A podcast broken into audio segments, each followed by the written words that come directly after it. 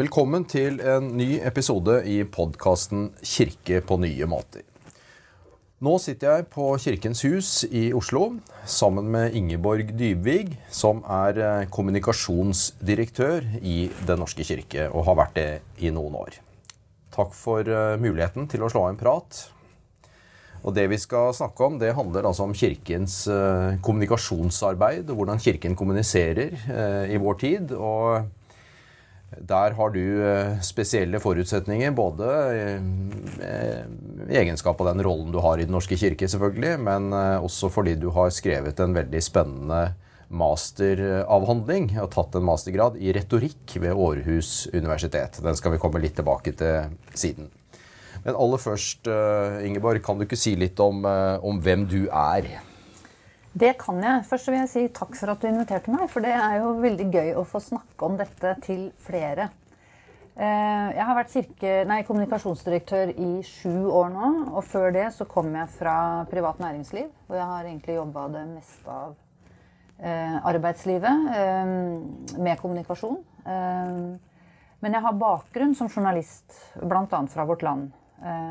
Og jeg har også skrevet seks barnebøker, som er litt mer sånn fun fact. Kanskje. Akkurat, ja.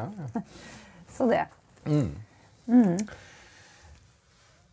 Som sagt så eh, har du tatt en master i retorikk. Den heter 'Som epler av gull i skåler av sølv er ord som blir talt i, tid, i rett tid'.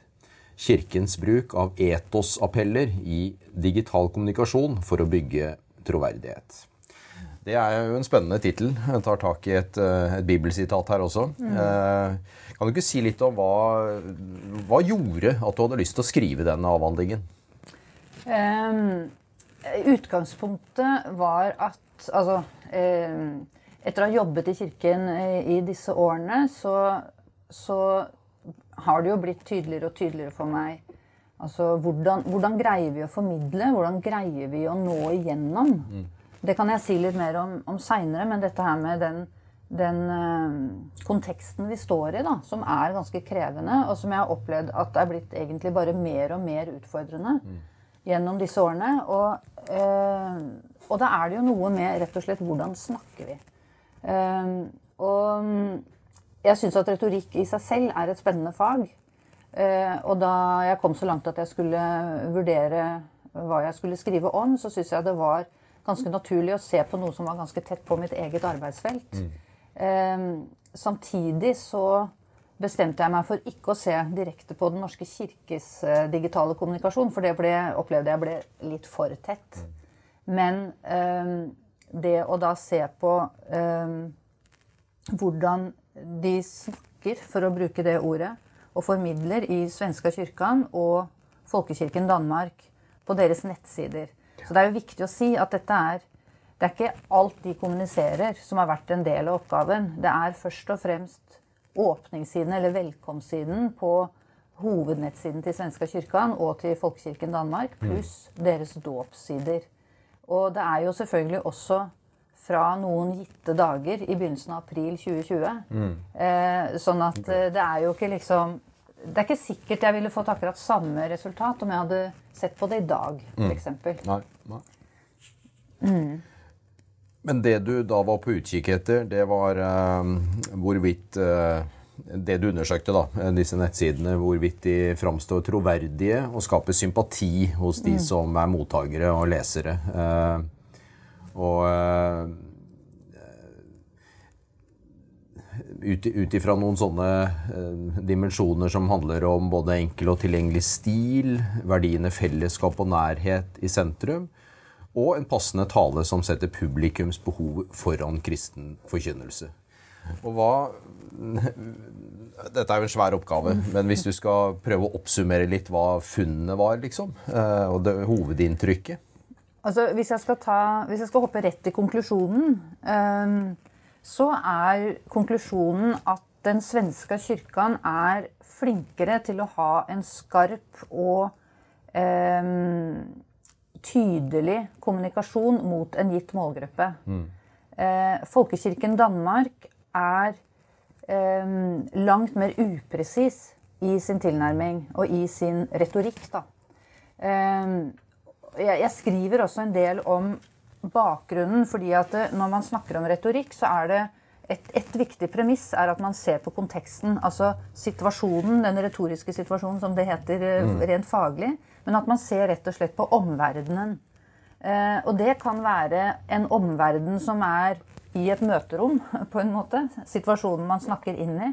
Men det kan jo også være langt større som type samfunnet. Og det så jeg litt på her. Fordi at hvis du ser på de siste tiårene da, så er jo situasjonen for de skandinaviske folkekirkene, altså inkludert Den norske kirke, mm. blitt ganske dramatisk forandra.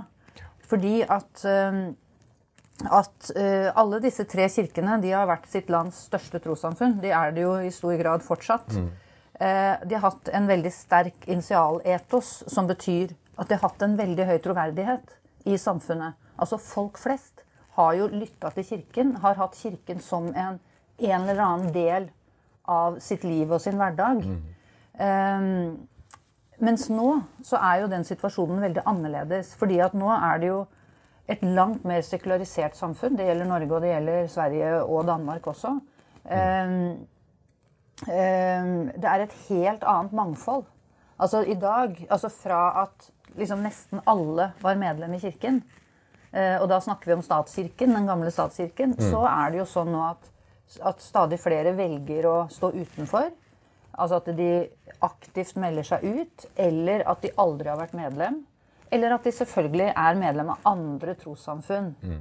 Uh, uh, ja, sånn at den, den, situasjonen er veldig annerledes. Så jeg, har, jeg skriver litt om denne, det jeg kaller den moderne treenigheten da, av mm. fornuft, følelser og vilje, som kanskje står mye sterkere enn Fader, Sønn og Hellig Ånd for folk flest. Mm. Mm. Og, og, for å mm, analysere dette, da, så griper du til retorikken, som du har vært inne på, som er et eh, ja, både et gammelt fag, en gammel kunnskap, som mange er, eh, er interessert i. Eh, jeg må si, For min egen del så liksom forbinder jeg retorikk med kanskje sånn logos, patos og etos, men det er jo mye mer enn det. Mm. Men, uh, uh, men, kan du ikke si litt om hvordan bruker du den, liksom, den gamle kunnskapen? Mm. Uh, ja, altså det, ja, det, sier jeg gjerne litt om i en litt sånn kort versjon her. Mm. Men retorikk det handler jo om å overbevise. Det er jo kunsten å overbevise. Og for å skulle overbevise et publikum, så må du ha uh, rett tale til rett tid. Mm. Uh, og i grunnen så kan man jo si at det, det kan man lett oversette med det å greie å finne ut hvilken målgruppe man skal snakke om, i hvilken kanal og når. Altså, mm. Det er ganske enkelt egentlig å overføre til vår tids kommunikasjonsverden. Mm. Um, det som er uh, viktig i retorikken, og som er liksom tre grunnprinsipper på et vis, det er jo å finne ut av den retoriske situasjonen. Altså hva er det, hvilken sammenheng er det vi snakker inn i? Mm. Hvem er det vi snakker til? Mm. Hvem er publikum for uh, det vi skal si? Mm. og hva er det som vil være såkalt passende tale? Altså hva er det rette budskapet til det publikummet? Og hvordan skal vi si det? Altså, hva slags type språk, hva slags type språklige bilder eller andre virkemidler, f.eks. eksempler, kan man bruke? Og det, eh, det er jo de elementene som skal til for å kunne overbevise. Og det er jo Jeg tenker jo at som kirker så eh, Jeg har jo ikke sett på forkynnelse, selvfølgelig. Men, men, det er klart at altså, forkynnelse handler jo om å overbevise. Mm eh, om å nå igjennom eh, til, til, de som skal eh, Ja, de man ønsker å nå igjennom til, da. Mm. Eh, og så er det jo sånn at, at, tradisjonelt sett så har jo Kirken stått i en veldig sterk patostradisjon. Altså det at følelser har spilt en ganske sterk rolle i forkynnertradisjonen. Mm. Altså tro, nåde, himmel, helvete. Um, og, og, folks forhold til Kirken det Altså, det handler kanskje fortsatt om en slags føl følelsesbasert beslutning om å tro og høre til, eller kanskje å ikke gjøre det. Mm. Men til tross for liksom denne patostradisjonen, så, så valgte jeg heller å se på etos. Fordi at jeg tror at Kirkens store utfordring i dag det er å framstå som relevant for folk. Um, og jeg tror også at Kirken må ta grep for å skape troverdighet og bygge opp sitt etos, altså bygge opp tilliten hos folk. Um, og i det så var det interessant å se på den digitale virkeligheten. Fordi at den gir jo helt andre muligheter. Um, I Den norske kirke så har vi lenge sagt i forhold til digital strategi at Den norske kirke må være der hvor folk er, og folk er på nett. Og det er jo en litt sånn kjapp og kjekk eh, måte å si det på. Samtidig så er det sant. Men så blir det jo også Ja, hvordan? Og da ble det interessant, syns jeg, å se på hva slags type etosappeller er det våre søsterkirker bruker for å komme igjennom i en type digital eh, kommunikasjon. Da. Og der lykkes eh, svenska kirken bedre enn den danske folkekirken. Ja, altså det er min konklusjon ut ifra um, ut ifra det som jeg så på i denne oppgaven. Og det handler om at de tør å ta en del valg. Og du kan si at retorikken er for så vidt bygd på at du må ta noen valg. Du må velge hvilket publikum er det du skal snakke til.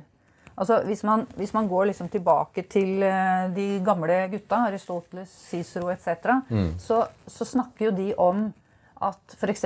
publikum er eh, Hvis man tenker altså, eh, Det som jo var retorikkens opprinnelse, var jo det å tale til en forsamling. Eh, og da hadde man kanskje en gruppe tilhørere. Eh, og de er alle et publikum, men alle er ikke like viktige som publikum. For i det publikummet så sitter kanskje noen som allerede er enig med deg. Eh, så sitter det noen som bare sitter veldig tilbakeoverlent og tenker at eh, dette kommer jeg aldri til å bry meg med. Det interesserer meg ikke. Og så har du noen som kan være mulig å overbevise. Fordi de kan være skeptiske, men de kan tenke ja, jeg gir det en sjanse.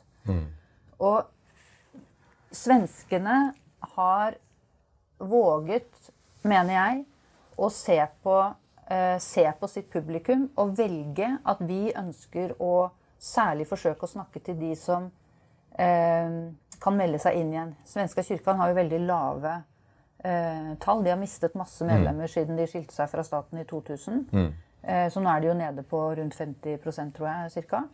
Eh, eh, det ser ut for meg som om de har tatt noen aktive valg og nå ut til én gruppe. De snakker ikke til ansatte eller medlemmer i veldig, veldig liten grad. Danskene i folkekirken de snakker litt til medlemmer og de som, eh, de som på en måte er med. Mm. Og til ansatte som en annen gruppe. Eh, Og så snakker de også litt til andre der ute. Men det blir veldig utydelig hvem er det som er deres publikum. Og det gjør at også eh, eh, budskapene blir ganske utydelige. Og du ser det bl.a. på språket de velger. Fordi at danskene bruker ganske mange det jeg kaller litt sånn indrekristelige ord. Sjelesorg, f.eks. Det er veldig mange som ikke forstår egentlig hva sjelesorg er. Men svenska kyrkan bruker en helt annen type retorikk. Altså De snakker veldig til deg. De appellerer til følelser. De appellerer til å bli en del av et stort fellesskap osv. De bruker mye mindre denne type hva skal jeg si, kristelige uttrykk. F.eks. om dåpen. Sånn type bli en del av Ved å bli døpt så blir du en del av eh, Guds familie.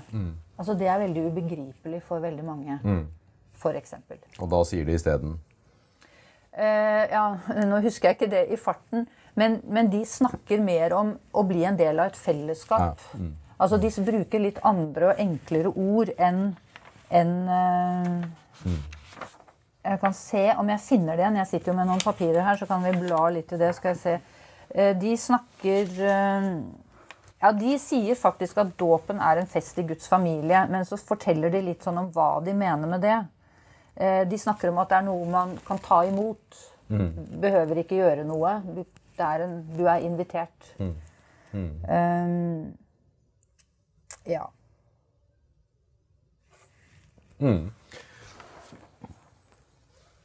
Du har også, er også en del inne på liksom, eh, hvordan Kirken gjennom historien har brukt liksom, ja, både patos-biten, da selvfølgelig, men eh, eh, eh,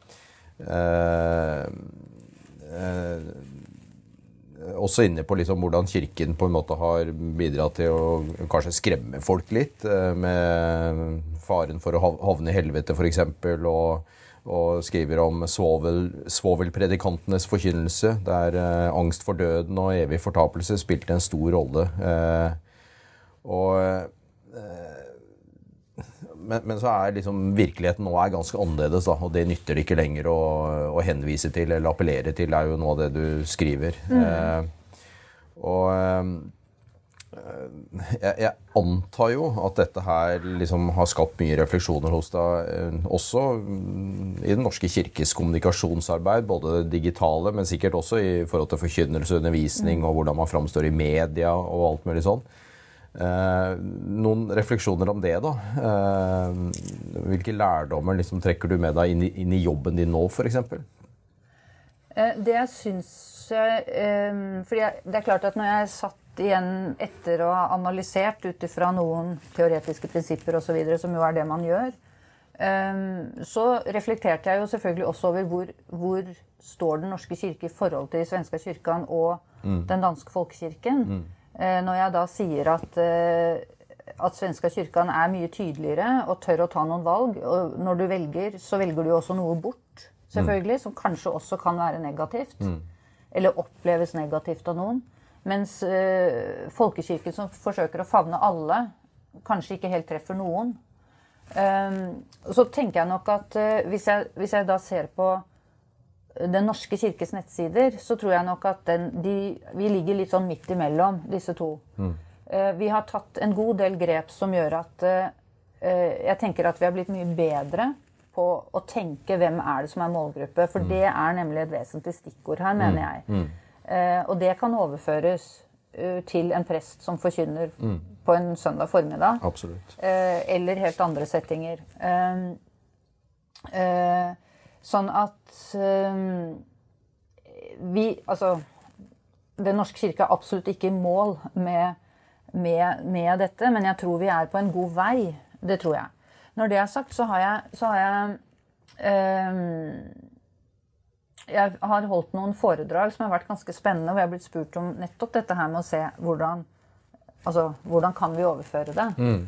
Um, og når man snakker om ren kommunikasjonsarbeid, som jo du kjenner til, ikke sant? Altså skal man ha eh, en kronikk ut, eller skal man eh, Ja, hvis det er noen viktige budskap eller et arrangement man gjerne vil få ut at skal bli kjent hos folk, så tenker man jo veldig sånn Ja, hvilken målgruppe er det som er aktuelt for dette? Det er, det er blitt ganske innarbeida. Mm. Men jeg tror vi er altfor dårlige til å tenke det i veldig mange andre eh, kommunikasjonskanaler.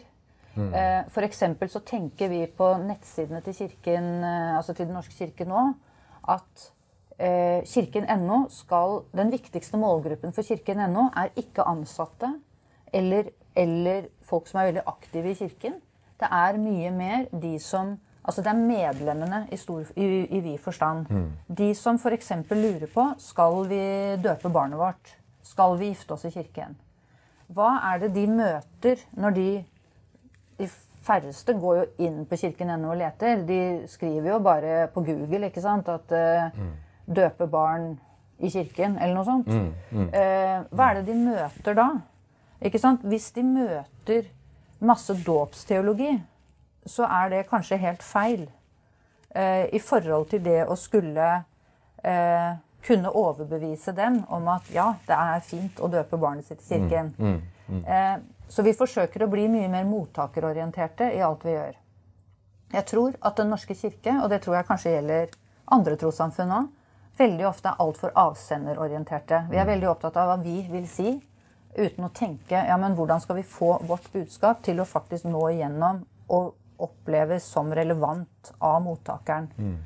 Um, og der kommer jo målgruppetenkningen.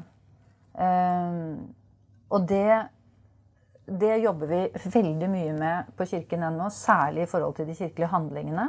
Hvordan skriver vi om konfirmasjon? Hvordan skriver vi om dåp, f.eks.? Eh, samtidig så, så tenker jeg at at det er viktig å tenke det for en prest, f.eks. Eh, som på en søndagsgudstjeneste har tre dåpsfølger, og han vet at eh, de dåpsfølgene de pleier ikke å gå i kirken. Skal han da snakke til, til den gjengen? Eller skal han eller hun snakke primært til de som kanskje alltid sitter i kirkebenken? Er det mulig å snakke til begge gruppene? Um, eller, eller er det faktisk ikke helt mulig? Hva tenker du om det, da? For det, det, jo, det her er jo en utrolig praktisk eh, veldig eksempel. Praktisk, ja. ja. Det er et veldig praktisk eksempel. Og, og, eh, jeg er jo ikke prest, bare så det er sagt. Altså, jeg har, eh, det meste jeg kan skilte med, er kristendom grunnfag fra MF i forrige årtusen. Mm. Um, så det er ikke så mye å skryte av. Men, um, men jeg tror jo at Jeg tror jo faktisk at en prest eller um, en, eh, ja, som holder en preken i en eller annen setting, faktisk bør tenke gjennom det. Eh, fordi det kan hende at det kan gå an å gjøre Altså å nå flere enn én målgruppe i samme tale. Det, det, kan selvfølgelig være mulig. Men mm. jeg ville jo kanskje tenkt at hvis man sitter der med store dåpsfølger, så ville jeg tenkt Hva er det jeg kan si for å overbevise dem til å ha lyst til å komme tilbake til kirken? Mm. Når de ikke må, som man jo på en måte må når man har valgt dåp. En ting er dåpsforeldrene, men du, det sitter jo ofte mange altså Det er faddere, det er mm. andre gjester. Vi vet jo ut fra medlemsundersøkelser og sånn at det er mange av de som Det er den anledningen de er i kirken, mm. f.eks. Mm. Mm. Um, og, det, og da handler det noe om hvilke ord man velger, da. Uh, hva er det man vil si? Um, hvordan når du igjennom? Hva er det som er rett tale til rett tid mm, mm. i den settingen? Mm. Eh, og så finnes det jo ingen fasitsvar. For det, det, jeg har selvfølgelig ikke det, og det finnes jo ikke noen liste, altså sånn type ordliste over å bruke disse ordene. eller noe sånt, Det finnes jo ikke. Men det er noe med å kanskje tenke gjennom det. Og kanskje er det en del som gjør det òg, men jeg tror kanskje en del ikke gjør det. Mm. Jeg tror jo Altså Det er jo mange av Altså Det tror jeg gjelder Den norske kirke, men jeg tror det gjelder veldig mange andre trossamfunn òg. Vi er veldig flinke til å stå på kirketrappa og si 'velkommen til oss'. Du er hjertelig velkommen, mm. men du må komme hit. Mm. Og det er jo ikke helt der vi er nå. Det er, Hvis vi skal være relevante, så må vi kanskje ut på ulikt vis, ikke minst digitalt. da. Mm. mm. Eh, og da er det Konkurransen er stor, altså. Mange er veldig flinke til å formidle sitt budskap. Mm. Uh, og det tror jeg vi må bli også. Så jeg har jo, det har du jo sett dette at jeg har jo laget noen sånne Hvordan kan man liksom omforme det til, uh, til noen enkle prinsipper i mm. forhold til Men det kan vi jo kanskje ta seinere. Ja. Mm. Bare en sånn refleksjon fra min side i forhold til noe av det du snakker om nå. så eh, Det er kanskje ikke helt sånn gjennomtenkt, men, eh, men jeg tenkte nå da du snakka nå, at i de sammenhengene, enten det handler om vigsel eller begravelse, bisettelse eller konfirmasjon, øh, kanskje dåp også, hvor jeg på en måte har, øh, har opplevd at jeg liksom mest tydelig snakker til noen få, øh, så er det mest positive tilbakemeldinger også fra andre som ikke er inkludert i den gruppa. Det er vel noe av det samme du er inne på her, er det ikke det? Jo. Um, ja. Altså det, det, handler om å bygge en troverdighet. Mm. Ehm, og det er klart at eh, det gjør man altså, det gjør man jo ikke bare gjennom ett møte. Men hvis man tenker dåp, da, eller mm. for så vidt det gjelder jo ja, det gjelder vel egentlig alle kirkelige handlinger, så har man jo ofte flere treffpunkter. Mm. Og det er jo noe med konsistens, eh, altså mm. en sammenheng osv. Mm. Eh, som man bygger en troverdighet gjennom. Og det er jo kanskje den troverdigheten som eh, eh, som kanskje delvis er blitt borte da, hos mange. Fordi at man eh, Og det, jeg tror det er mange årsaker til det. og Jeg skriver jo litt om det i oppgaven nå. dette at det, altså i, For bare noen få tiår siden så var jo generelt sett den, altså kristendomskunnskapen var høyere ja. eh, enn den er i dag. I dag er det jo eh, veldig mange som kan veldig veldig lite. De mm. kan lite om bibelhistorier, f.eks. Altså det som var litt sånn selvfølgelig kunnskap, det er, det er blitt nesten borte for mm. mange. Mm. Eh, sånn at man har ikke den derre, hva skal jeg si, grunnplattformen. Mm. Eh, eh, og i tillegg så er kanskje med, det store mangfoldet, med avstanden, så er kanskje eh, Altså, jeg skriver jo om Cicero og det å bruke liksom Ciceros blikk inn i kirkens kommunikasjon. Og han er bl.a. opptatt av dette med troverdighet og det å skape en sympatiens etos. Altså en slags velvillighet. At fordi jeg på en måte har en jeg, jeg stoler på Kirken, så ser jeg på Kirken med en større sympati. Eh, og så er jo det motsatte av sympati er jo, er jo uh, antipatien. Men jeg tror at i dag så er det ikke antipatien som egentlig er Kirkens eh, største fiende, men det er mer likegyldigheten. Eh, at det ikke betyr så mye. Og den er kanskje nesten vanskeligere å få en kontakt med, da, for da er man ikke interessert. Og da blir det jo et spørsmål hvordan finner du denne rette talen i rett tid, osv. Og i en del tilfeller så er det jo nettopp de kirkelige handlingene som kan være den rette tiden, for da har man faktisk et kontaktpunkt. da. Og da blir det jo et spørsmål hvordan bruker vi det, den muligheten. Ikke nødvendigvis til en eller annen voldsom svovelforkynnelse fra talerstolen, men hvordan møtes folk digitalt, der hvor øh, i mitt tilfelle Den norske kirke skriver øh, om øh, hva vi skriver om type kirkelige handlinger på kirken.no, f.eks. Det er interessant det du sier. Et par eh, refleksjoner til fra min side. Det ene handler om Jeg hadde en samtale nå for ikke så lenge siden med også noen teologkolleger om hvordan vi liksom snakker Hvordan framstiller vi et kristent menneskesyn i dag? Og, eh, og da kom vi inn på akkurat dette her, liksom. Eh, hva er det folk egentlig har med seg? ikke sant? Og hvis man har med seg et sånt Kall det litt sånn jeg vet ikke om det er riktig å kalle det tradisjonelt, men sånn gammelt øh, syn på mennesket, som mange tror i hvert fall, at kristen tro står for, med, som liksom trykker mennesket ned og gjør det lite, og det er liksom pessimistisk med tanke på menneskets muligheter og alt mulig sånn, så går det an å appellere til at nei, Bibelen gir oss bilder av mennesker som vandrer oppreist og oppmuntrer til livsutfoldelse, tar i bruk alt vi kan, ikke sant, og kanskje mer, vekt på en sånn skapelsesteologi, eh, muligens. Men, men, det du sier om likegyldigheten, da, da, vil jo ikke det virke på samme måte, egentlig. Eh, jeg har eh, en del, eh, jobba en del i videregående skole nå, eller undervist i religion og etikk. Og der har det liksom slått meg noe av det du sier, at eh, det, det, er en ganske stor sånn likegyldighet og ikke egentlig en sånn at, at kirken og kristen tro eh, på en måte representerer noe fortidig, på en måte. Litt sånn museumsaktig. Eh, noe som mennesker søkte tilflukt i tidligere, men som har lite å tilby nå. Da. Eh, og det er, det er, noe av det du er inne på nå. altså Hvordan møter vi den virkeligheten? For den, den er ganske annerledes, altså, som du sier, enn for noen tiår siden. Ja, det er den. Og samtidig så tenker jeg at um at det gir kanskje rom for litt andre, andre muligheter, da, på et mm. vis. Det vi, altså, vi, jo, vi, lager jo noen ganske omfattende medlemsundersøkelser i Den norske kirke. Vi gjorde det, altså vi har gjort det tidligere, men vi, men vi startet på en måte på nytt i 2019 med en ganske omfattende eh, medlemsundersøkelse. Så det er altså ikke befolkningsundersøkelse. Eh, for vi, fordi vi gjerne ville finne ut altså hvilke forventninger, krav, holdninger har medlemmene til Den norske kirke. Mm. Eh, og så har vi gjentatt den både i 2021 og i 22, nei, unnskyld, 2020 og 2021. Vi skal egentlig gjøre den med, med to, mellom, to, års mellomrom. Ja. Men, eh, men pga. covid og det hele så hadde vi lyst til å ha en ekstra en da i, i 2020. Eh, men uansett, det vi ser der, er at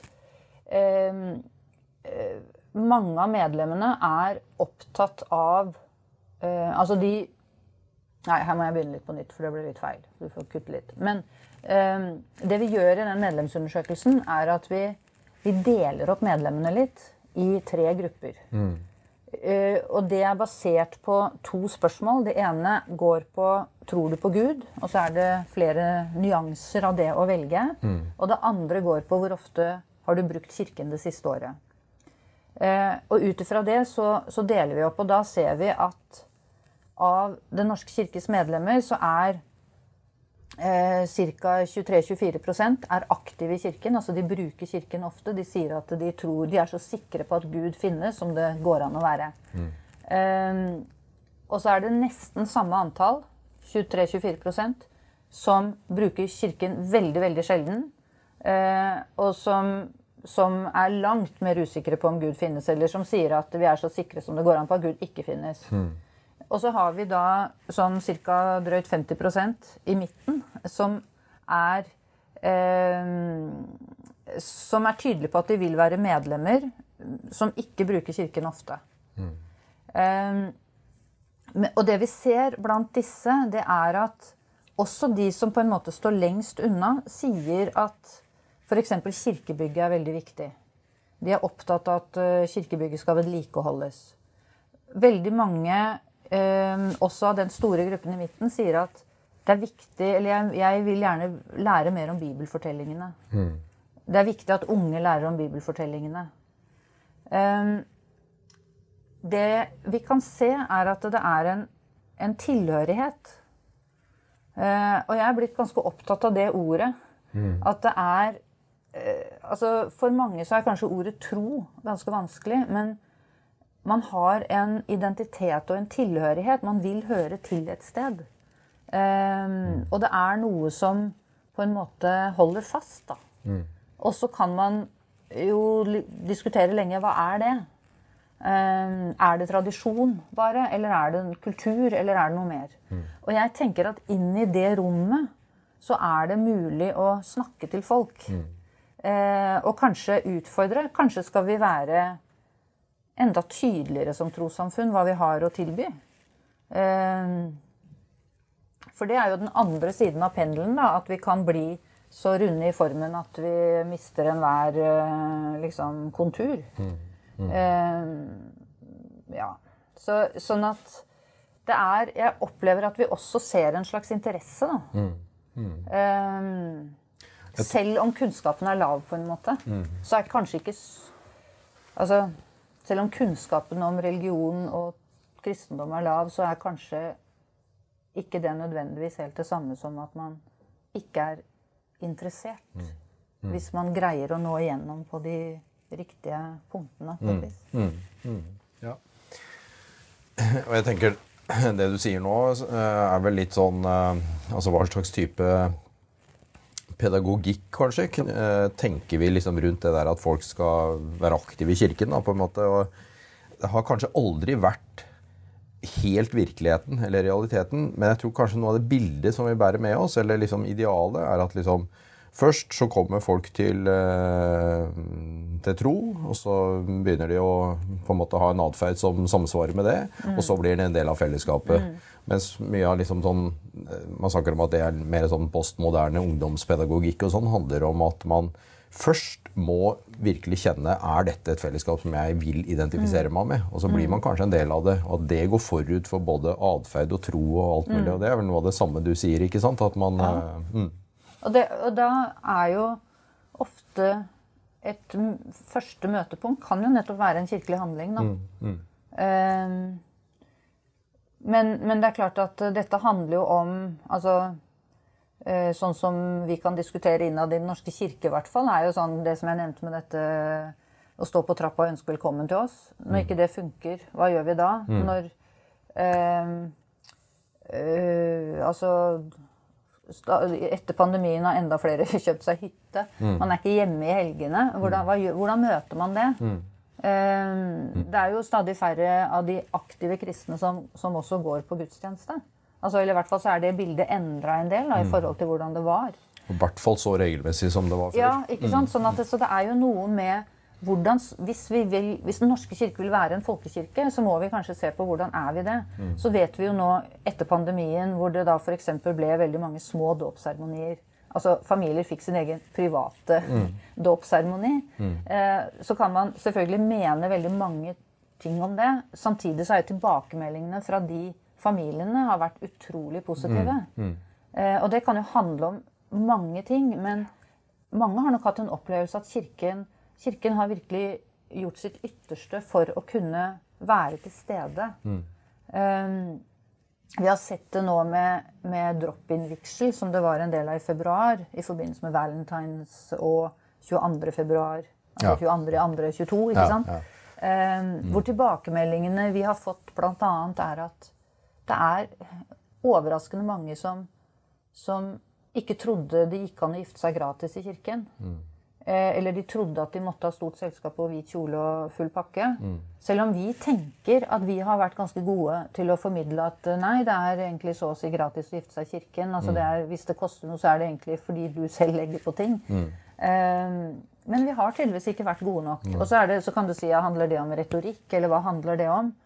Eh, men det er jo noe med det som jeg jo har laget som en slags sånn overføring da, på å kommunisere enkelt og tydelig. Altså Det er jo helt sånn totalt grunnleggende og egentlig enkelt, og så er det vanskelig, da. vi, eller vi ser at vi er ikke gode nok på det. Og du- du konkluderer på mange måter med eh, fire strategier eller eh, stikkord for hvordan man skal kommunisere. Det er enkelt, målretta, konsistent og helhetlig. Det gjelder for alt. Altså, Det gjelder egentlig for absolutt alt. Og det er, jo, det er jo det vi ser på Svenska kyrkans nettsideretorikk. da. At de tenker helhetlig og enkelt. Altså rundt situasjonen, altså sammenhengen, rundt budskapet og publikums behov. For det er igjen denne mottakerorienteringen som blir viktig. Eh, De har, altså, de har jo bygd det rundt dette at medlemstall og dåpstall synker, og så har de på en måte funnet en målgruppe og funnet ut hvordan skal de snakke til den målgruppa. Mm. Um, uh, sånn at Ja, og det samme med Altså, hvis du ikke vet hvem du vil snakke til, så er det veldig vanskelig å snakke målretta. Og det er kanskje der jeg tenker at uh, både Den norske kirke og andre trossamfunn ikke alltid er gode nok. da. Eh, for vi vil jo veldig gjerne snakke til alle. Eh, men det er ikke sikkert det går eh, på en gang. Og så er vi, tror jeg veldig mange av oss er blitt ganske bevisste på at ja, ok, skal vi bruke TikTok som kanal, så skjønner vi at da må du kanskje snakke annerledes enn om du snakker til eh, de på 60 pluss på Facebook. Men jeg tror at dette er ganske overførbart til veldig mange ulike kanaler og settinger, både digitale og fysiske. Eh, og så er det jo dette her med, med konsistens. Altså eh, Folk kan oppfatte Kirken som utydelig. Her er det jo her er det gans kanskje ganske mange fallgruver, for hvis man blir veldig tydelig, så kan det fort bli et problem for mange også. Eh, men det er noe med å eh, vurdere nøye rett og slett hvordan Hva er vår egenart? Hvordan er det vi fremmer den? Hva er det som skiller metodistene fra Den norske kirke, f.eks.? Altså, hvordan, hvordan formidler man det, annet enn den si, si, rene teologien? da? Er det andre ting som er viktig å framheve på noe vis? Og så er det den helheten, altså det å se på tekstbildet. Eh, og det skriver jeg jo også litt om. Visuell retorikk det er et kjempesvært felt, så jeg kunne ikke gå inn i det, for det ville vært en helt egen oppgave. Men eh, det var ganske slående å se hvor også svenska kirka brukte utrolig dårlige bilder. Altså, det var nesten ingen bilder, verken hos danskene eller svenskene, som viste f.eks. mennesker som så på deg. Altså, så, og det tror jeg kan være viktig. Altså det å skape kontakt. Eh, det var veldig mye bilder av eh, ting. Eh, Og det å, å tenke en visuell retorikk inn i særlig både digitale, alle ting vi trykker, i den grad vi trykker noe, da, men hvis vi gjør det. eh, hvor viktig det er. Og det ble også en sånn Vi begynte å gå gjennom våre egne bilder og så at uh, her kunne vi gjøre ting mye bedre. Ja, ja. For det har faktisk noe å si. Hvordan, og nå er vi jo enda mer bildefokusert enn vi kanskje noen gang har vært i forhold til tekstfokusert. Da. Så, eh, eh, og det har jo noen utfordringer da, med at du må ha samtykker og alle de personvern... eh, GDPR-tingene. Men, men det er ganske viktig å ikke tenke bare tekst eller bare ord, men tenke liksom hva er settingen her. Ja, det er veldig spennende. Jeg, jeg tenker jo litt sånn eh, Når du sier det, hva er forskjellen på Metodistkirken og Den norske kirke, så eh, har vi eller, og Det tror jeg mange har tenkt, liksom. At vi, eh, og, og sånn tror jeg det er litt sånn i forkynnelse. Vi som er prester og driver og forkynner og sånn, også kan lære av. For vi Av og til så tenker jeg at vi tror at hvis vi bare får sagt ting mange nok ganger og tydelig nok, så skjønner folk. Så enkelt er det ikke. Nei. Nei. Og så tenker jeg at det er jo sånn Kan jo hende at det ikke er noe poeng. Altså at uh, i en, mange settinger så er det ikke noe poeng å framheve hva som er forskjellen. Neida, nei. Men det er jo noe med å være bevisste. Og det er kanskje den, den altså, Eller bevisst sine valg, da. På ja, hvorfor vil jeg si dette i denne settingen? Hvorfor er dette viktig? Hva er det jeg ønsker å oppnå med det?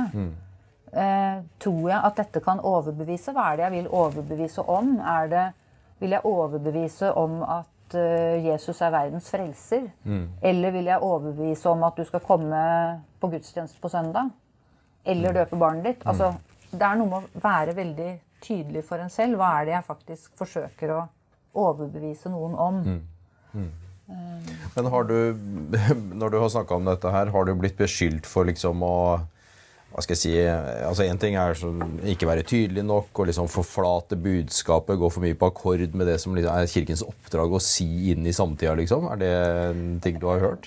Um, nei, egentlig ikke. Altså, jeg, jeg, min opplevelse er vel at eh, det er ganske mange, ikke minst prester, som syns at dette er interessant å Ja. snakke om. Eh, og jeg tror egentlig at mange eh, tenker på Altså er opptatt av det, da, rett og slett. Ehm, men um, det som vi har diskutert litt, fordi at det er jo også en del av oppgaven hvor eh, Man kan for så vidt si at den svenske kyrkan eh, er mer opptatt av nå frem til å få kontakt med folk enn kanskje å, å være veldig tydelig på den kristne forkynnelsen, da, for å si det sånn. Eh, når de skriver om dåp, så, så har de også med det teologiske aspektet ved dåp. øh, Men det kommer kanskje litt lenger, lenger ned i veien på et vis. Eh, som jeg tror er et veldig bevisst valg. Mm. og det kan man selvfølgelig diskutere. Eh, så men, men altså, så er det jo sånn Det er jo ikke sånn at et enkelt språk behøver å være et flatt språk. Nei. å lage et enkelt og godt språk er kanskje vanskeligere enn å lage et uh, snirklete og litt mer pompøst språk, for å si det sånn. Og jeg tror at Og dette vet jeg jo ikke, dette er, vi er litt over på spekulasjonene, men at um, når vi bruker veldig mye type kanonspråk, som jo også er en klisjé, men, men uh, når vi snakker om uh, Ja, altså Vi bruker jo ord, og begreper om knytta til den kristne tro, da, om dåp etc., som, som, som folk kanskje ikke forstår. Og eh, poetisk språk, f.eks., kan være ganske vanskelig hvis du ikke er inni den hva skal jeg si, kristne sfæren. Hvis du ikke kjenner eh, bibelhistoriene, så er det en del språk som eh, ikke når igjennom. Og da tenker jo jeg at det er bedre å unngå det. Eh, jeg må si at når det gjelder dåp, så sliter vi med å finne liksom de gode bildene som er forståelige. Vi har lenge brukt et ord som handler om liksom det å bli båret, som jeg tenker på mange vis er ganske godt. Eh, men det dåp er ganske vanskelig. Å greie å liksom si noe som ikke bare blir platt. Eh, ja. Men dette tror jeg er en Jeg tror det viktige er kanskje at man tør å snakke om det. Altså tør å utfordre sitt eget språk og eh, hvordan er det vi formidler. Eh, og selv om prester kan jo si at ja, men er det noe vi er gode på, så er det kommunikasjon. Det er det vi driver med hele tiden. Men noen ganger så er kanskje svaret at nei. Det hjelper ikke alltid at man driver med det hele tiden. Eh, det er, de fleste av oss har et veldig stort forbedringspotensial. Da. Ja, det tror jeg. Og, og noe av det som jeg ikke minst tar med meg fra å ha lest, uh, lest en del i avhandlingen din, det er jo liksom det der behovet for Kirken til å være i en sånn kontinuerlig dialog med samtida og folk. og og, og på en måte være veldig lyttende da, i forhold til hvordan ting bør sies. og sånn, for jeg, jeg har av og til liksom tenker jeg at vi liksom eh, Og det, det har jeg tatt meg sjøl i å tenke som prest òg. At jeg liksom eh, Som prest så har jeg på en måte en pakke.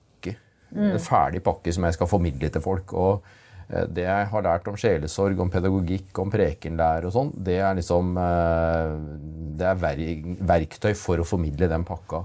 Men så tenker jeg nok at i mye større grad enn å tenke at jeg formidler en pakke, så må jeg liksom være i dialog med folk og liksom kjenne meg fram mm. på hvordan ting sies. Og at det kanskje Jeg skal ikke si at det går på akkord med, med budskapet, men, men, men det handler, jeg tror det handler om å liksom tilpasse, eh, rett og slett. Altså, Rett tale til rett tid. rett tale til rett tid. Ja, det er, eh, det er noe der. og det, det som er litt interessant med å ha den jobben jeg har da, som kommunikasjonsdirektør i Kirken, det er jo at når jeg treffer folk som jeg ikke kjenner i Og det kan være i jobbsammenheng, at vi har møter med eksterne eksterne hva det nå måtte være.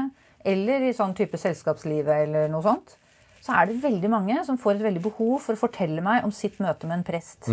Og det er, det er jo da nesten alltid knytta til en kirkelig handling. Og det er enten så er det superpositivt, eller så er det det stikk motsatte.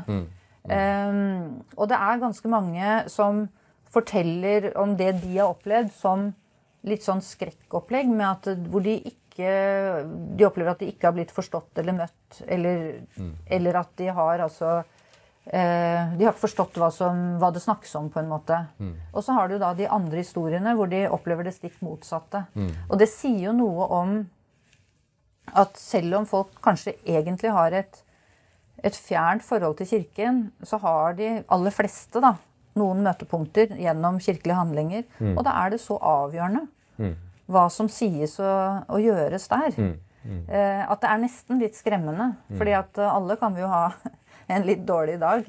Eller noe sånt, Men det er tydelig at det, det setter seg fast, virker det som. Dette er jo svogerforskning, men likevel. Det, det, det, jeg tror det er noe der, og det er noe med den derre hvordan, hvordan, møter vi folk, da? Som du sier, dette med, med det å greie å tilpasse. Det, det tror jeg er en, jeg tror det er en veldig, veldig stor utfordring. Mm. Som, som, kanskje bare blir større, men som også gir veldig mange muligheter. Mm.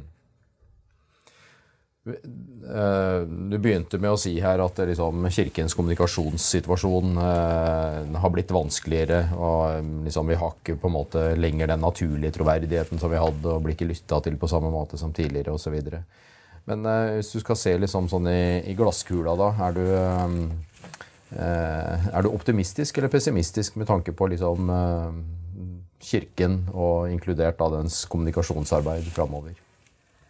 Eh, nei, jeg, jeg, er egentlig optimistisk. Jeg. Jeg, tror, jeg, tror, det handler veldig mye om å bruke de mulighetene som er der. Mm. Eh, det tror jeg gjelder alle trossamfunn. Mm. Eh, og, og det, det, er på, på, en måte på alle nivåer. Men jeg, men jeg, tror at vi kanskje trenger å utfordre oss selv Altså kanskje som kirke som helhet. Vi har lært veldig mye gjennom pandemien. Det har mm. vel alle trossamfunn gjort. Mm, mm. Og hvordan tar vi det beste av det med videre? Mm. Um, hva, vi ser jo f.eks. at det som har fungert best hos oss gjennom pandemien digitalt, er jo, er jo um, Altså disse ganske enkle type ord for natten. Mm, mm. Som vi har fått veldig mye respons på, og som fortsatt liksom blir sett på. Mm. Eh, som er type tre minutter og tatt opp hjemme med en uh, mobiltelefon. Mm. Eh, men veldig tett på, veldig autentisk. Mm. Veldig sånn, Og så er det noe med tidspunktet på kvelden før du skal legge deg. og sånn. Altså det, det, er noe med å finne måter å være til stede i folks liv på. Eh, jeg har blitt opptatt av også at eh, Eh, det er eh, Altså, vi som er aktive i Kirken, vil jo tenke at eh, det er det å sitte i kirkebenken sånn på ordentlig. Det er det som er det viktigste. Det, mm. det kristne fellesskapet. Mm. Mm. Um, og det er jo kjempeviktig. Mm. Jeg, jeg, prøver ikke å si noe annet, men jeg tror at det er en ganske stor gruppe som kan um, som syns det er fint å ha kommet i en tettere kontakt med Kirken. Mm. Eh, men som faktisk får en slags ekte fellesskapsfølelse selv gjennom det digitale. Mm. Mm. At jeg tror kanskje det er en illusjon at vi skal innbille oss at, uh, at, vi skal greie å få alle medlemmene til å begynne å gå på gudstjeneste. Mm. Det kommer ikke til å skje. Nei. Men hvordan kan vi vise at vi er kirke for alle medlemmer, selv om du ikke ønsker å ha en veldig tett kontakt? Det, det, det er noe jeg grubler mye på. Hvordan, hvordan, løser vi det? Hvordan kan vi faktisk være, en, være relevant for folk, da? Mm. Selv om de ikke ønsker en sånn supertett kontakt. Skal man da si at nei, de medlemmene er vi ikke så interessert i? Eller skal vi se om det finnes måter og tilbud da, på en måte som, som kanskje kan bety noe, og som kanskje på sikt kan flytte noen noe. Det Ja, det jeg, Så jeg, jeg syns at uh, det er, det er veldig mange utfordringer, men det er muligheter. Og det er noe med hvordan, hvordan er vi i kirke for folk? Eh, hvordan er vi til stede i folks liv? Hva gjør vi for å få til det? Og det handler jo om mye mer enn retorikk, selvfølgelig. Men Ja det er liksom et element i det, da. Veldig fint å avslutte med akkurat dette her med, med hvordan eh, Også hvordan vi har lært av pandemien. Da. For jeg tenker det eh, Er det noe vi har vist gjennom pandemien, så er det jo at vi at vi, eh, når vi må, så har vi evnen til å gjøre de endringene som trengs. rett Og slett. Og, og ta med en sånn opplevelse og faktisk å lykkes med det eh, videre. Det tror jeg er viktig. Altså. Og det tror jeg alle Det tror jeg vel altså de fleste trossamfunnene sitter igjen med. At eh, det Man greide å kaste seg rundt når det gjaldt som mest. Og det er kanskje noe som er Som kjennetegner de som jobber både i Den norske kirke og hos dere og andre trossamfunn, at man har et brennende hjerte for folk. Eh, Absolutt. og det er jo et godt utgangspunkt for uh, veldig mye, da. Veldig. Tusen takk skal du ha for at du har delt av dine kunnskap og refleksjoner på dette her. Takk for at jeg fikk eh, være med. Og lykke til videre. Takk for det.